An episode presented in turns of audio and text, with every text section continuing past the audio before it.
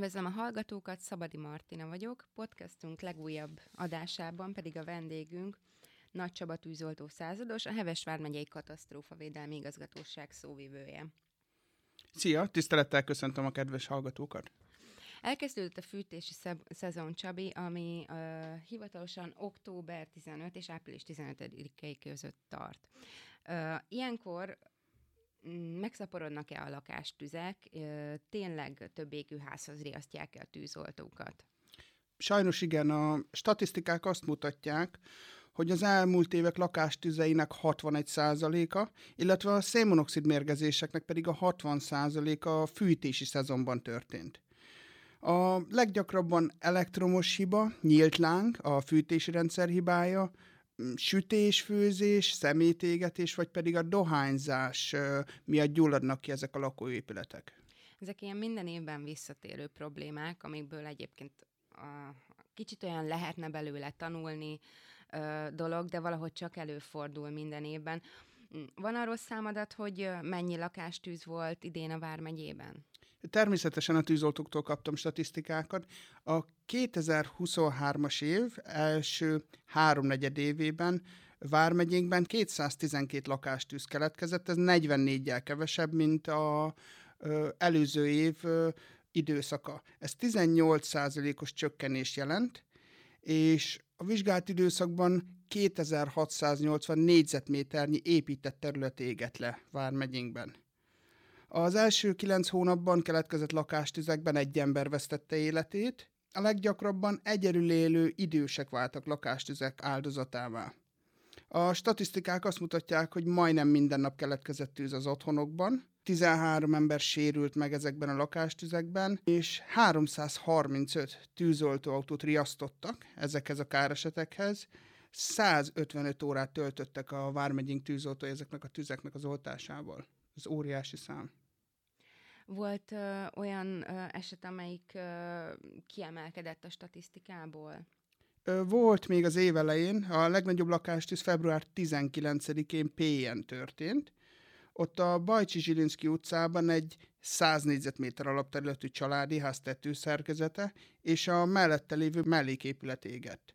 A hevesi és a füzesabban hivatásos tűzoltók két órán át dolgoztak a lángok megfélkezésén, a tűz összesen 150 négyzetméteren pusztított, és az ingatlanban élő családnak átmenetileg el kellett hagyni otthonát. A melléképületből indult a tűz, ahol uh, tűzifa és fűrészpor kapott lángra sajnos. Említetted, hogy gyakran az időseket és az egyedül élőket érinti ez. Hogyan előzhetők meg ezek az esetek? Mit tanácsol a katasztrófa védelem? Először is a tragédiák megelőzése érdekében mindenképp nézzünk rá szeretteinkre, idők, bizonyos időközönként minél gyakrabban. Néha egy kedves szó, akár egy ilyen ellenőrzés, a szomszédunk, hogy hogy van, akár életet is menthet. Tudunk róla, hogyha esetleg rosszul vett, és nem már csak úgy megtaláljuk a házban, hanem hogyha rendszeresen rájuk nézünk, törődünk velük, akkor akár időben tudhatunk arról, hogyha valami baj van. Tehát gyakori, hogy az idősek nem kérnek segítséget sem a szomszédtól, és nem is hívnak szakembereket. Előfordul, előfordul ilyen ö, általában a távolságok, amik megnehezítik ezeket a kapcsolattartásokat, például szülők és gyermekek között ö, máshol élnek, elköltöznek, és így már nehezebb, így nem annyira rendszeres ez a szerettek általi ellenőrzés, hogy úgy mondjam az elektromos eszközök, illetve az elektromos hálózat problémája az gyakori, ezt hogy lehet megelőzni?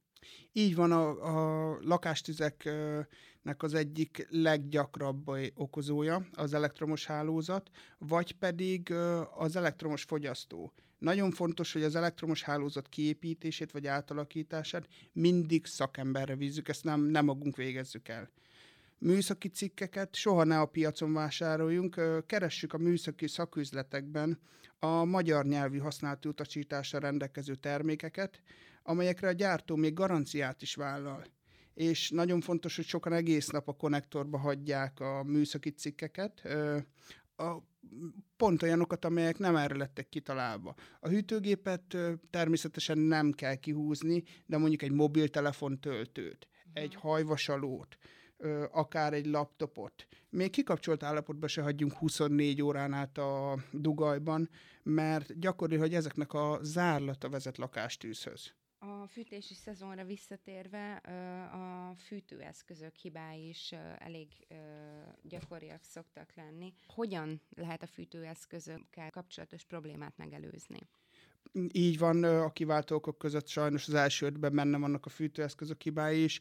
Teljesen mindegy, hogy mivel fűtünk otthon, legyen az konvektor, kandalló, cserépkájha, akár kazán, cirkó, bármilyen. A fűtőeszközöket évente egyszer tanácsos szakemberrel ellenőriztetni, és ha szükséges, ezeket kitisztítatni. Mm, jellemzően ezek az eszközök lánga légnek, vagy hőt termelnek, és meghibásodásukból tragédia is lehet. Nagyon fontos, hogy ezeket a fűtőeszközöket soha ne használjuk szárítónak se. Ne tegyünk rá nedves ruhákat mosás után, még talán egy konvektor, egy hősugárzó, hogyha letakarjuk, képes tüzet okozni az otthonunkban. Pedig ez gyakori egyébként, télen nehezen száradnak a ruhák, ezt ez... sokan alkalmazzák, de nem, nem szabad. Nem egy ajánlott megoldás. Kéményeket viszonylag kevesen használják, ugye mások helyen elektromos fűtés van, de azért még a kéménytüzek is előfordulnak elég gyakran. Igen, igen és újabban nagyon sokan változtattak fűtési módot. Hogyha új kéményt építünk, a régit kijavítjuk, felújítjuk, vagy átalakítatjuk, akár új fűtőeszköz csatlakoztatunk a kéményhez, az csak akkor lehet használni, ha megtörtént a helyszíni műszaki vizsgálat, és a kéményseprő egy megfelelőségi nyilatkozatot állított ki a kéményről. Olyan kéményt használni, amelyik nem rendelkezik ezzel a megfelelőségi nyilatkozattal, nem csak tilos, hanem életveszélyes is, akár lakástűz vagy szénmonoxid mérgezés is bekövetkezhet a szabálytalan és hibás kialakítás miatt. A műszaki vizsgálatot a kéményseprőktől meg kell rendelni, a szolgáltatásért, ezért a szolgáltatásért fizetni kell. A kéményseprésben a menetében az utóbbi időben változás nem történt. A katasztrófavédelem kéményseprői az ellenőrzést és a tisztítást azt magánszemélyeknek ingyen végzik. Családi házakban élőknek időpontot kell foglalniuk, társasházba pedig automatikusan érkeznek a kéményseprőink.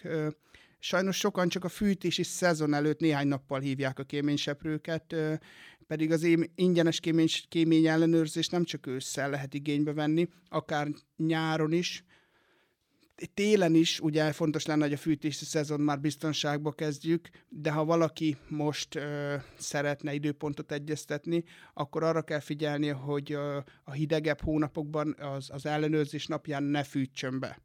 Ö, a kéményseprő ugyanis nem tud a forró környezetben dolgozni. Nem az ellenőrzés időpontján van a hangsúly, hanem azon, hogy rendszeresen, rendszeres időközönként ellenőriztessük ezeket a kéményeket. Aki fával vagy egyéb, szilárd tüzelővel fűt, annak évente, aki pedig gázzal, annak két évente érdemes igénybe venni az ingyenes kémény ellenőrzést. A,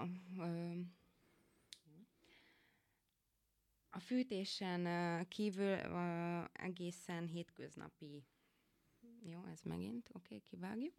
Szóval, a fűtésen túl a sütés-főzés is mind hétköznapi tevékenység azért elég komoly problémákat tud okozni. Mennyire gyakori, hogy ebből keletkeznek lakástüzek, és hogyan tudjuk ezt megelőzni? Ahogy a tüzek keletkezési helyét elemeztük, a konyha volt az egyik leggyakoribb olyan hely, ahol tűz keletkezett, és akár sérülések is történtek. Nagyon fontos, hogy sütés-főzés közben, amelyet a hidegebb hónapokban bent többször végzünk, ugye jönnek az ünnepek is majd, ö, nagyon fontos, hogy ne hagyjuk őrizetlenül a tűzhelyen készülő ételt. Használhatjuk esetleg a mobil, mobiltelefonja már szinte mindenkinek van, azon egy időzítőt, a felhúzunk, ha valamit a sütőbe berakunk, akár, de nagyon fontos lenne, hogy egy pillanatig se hagyjuk ott a készülő ételt. A tű, ha a tűzhelyen felejtett olaj meggyullad, azt pedig soha ne próbáljuk meg vízzel oltani, mert egy robbanásszerű tűzgömb alakul ki. Ezt bemutatóink alatt többször is bemutattuk már. Ez a tűzgömb meggyújtja a konyhában lévő berendezési tárgyakat, és akár komoly sérüléseket is okozhat nekünk. Ha a felhevült olaj zsíradék gyulladt meg, akkor zárjuk el a tűzhelyet, bármilyen tűz, bármilyen forrást alatta, tehát a, kapcsoljuk ki gyakorlatilag, és vegyük le egy fedővel az edényt ahogy említettem, a mobiltelefon egész nap nálunk van, használjuk ennek az időzítését, és akkor nem fogjuk ott, ott felejteni az, az ételt. A dohányzás szokott még problémákat okozni? Sajnos, sajnos igen, sajnos igen. Az utolsók között még mindig ott van a felelőtlen dohányzás a kiváltó okok miatt.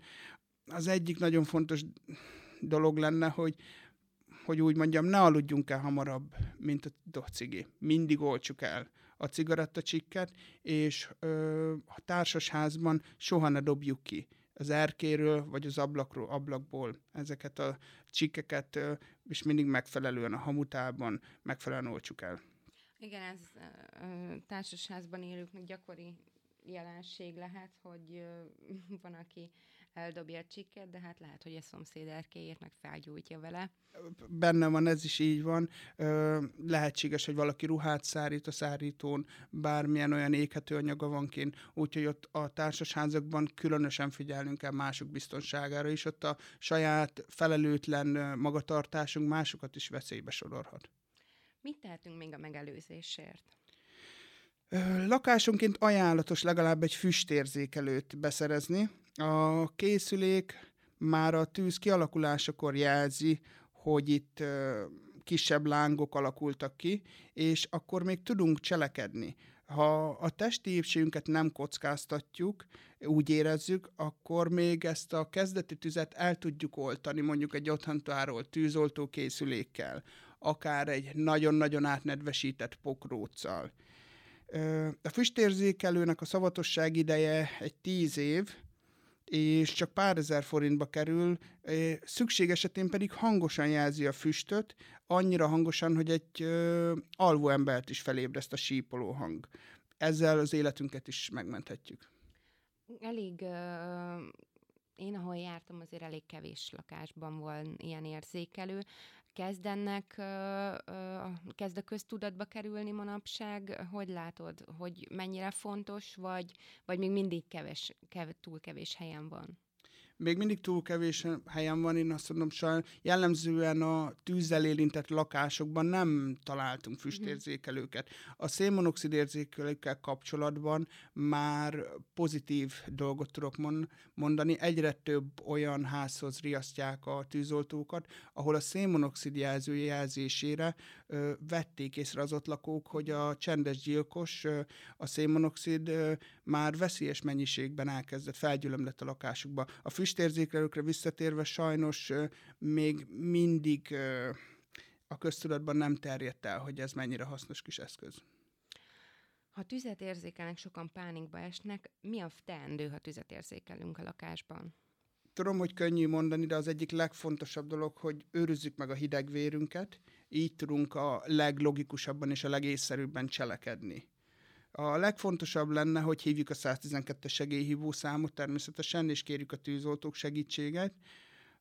Hagyjuk el lakóhelyünket, segítsünk a gyerekeknek, időseknek, esetleg a maga tehetetleneknek a szabadba jutásban Csukjuk be az ajtókat és az ablakokat, ezzel csökkentjük a tűz levegő ellátását, más szavakkal megnehezítjük a lángok terjedését, de nagyon fontos, hogy ne zárjuk be lakásunkat, ez megnehezíti a tűzoltók dolgát ugye a bejutáskor.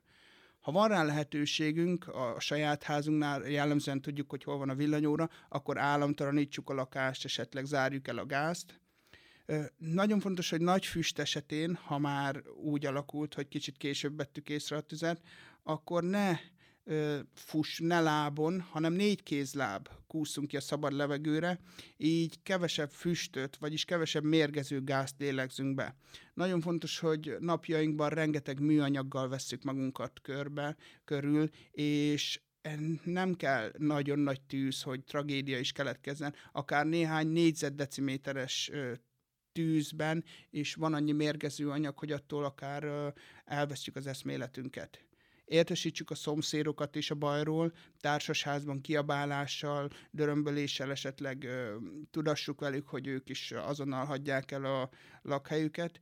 Mm, nagyon fontos, hogy a közhi- közhiedelemmel ellentétben nem a lángok hőhatása miatt vesztik el az életüket az emberek a tűzben, hanem a belélegzett mérgező füst okozza legtöbbször a tragédiákat.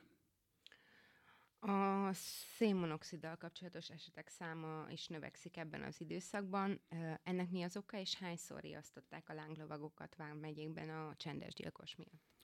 A hidegebb időszakban gyakrabban riasztják a tűzoltókat, ez így van a mérgező gáz miatt, de kihangsúlyozom, hogy ahol nyílt lánggal működő vízmelegítőt használnak, ott egész évben veszélyt jelent a szénmonoxid. A fűtési szezonban több tüzelőfűtőberendezést használunk, így még több esély van rá, hogy szénmonoxid keletkezzen a lakhelyünkön. Az első háromnegyed évben Vármegyénkben 33-szor riasztották a tűzoltókat szénmonoxidos eset mi- esetek miatt, és 6 ember szenvedett valamilyen mér- mértékű szénmonoxid mérgezést. Ez a gáz akkor keletkezik, ha beltérben nyílt láng van, és a tűz környezetében nem megfelelő a levegő utánpótlás. Ha elérhető a vízmelegítőnk, vagy a fűtőeszközünk égéstere, látható a láng, akkor mindenképpen vásároljunk egy jó minőségű szénmonoxid érzékelőt a biztonságunk érdekében. Köszönjük a tanácsokat a katasztrófavédelem szóvivőjének, és mindenki vásároljon otthonra szénmonoxid, illetve tűzjelzőt. Nagyon szépen köszönöm, hogy itt lehettem.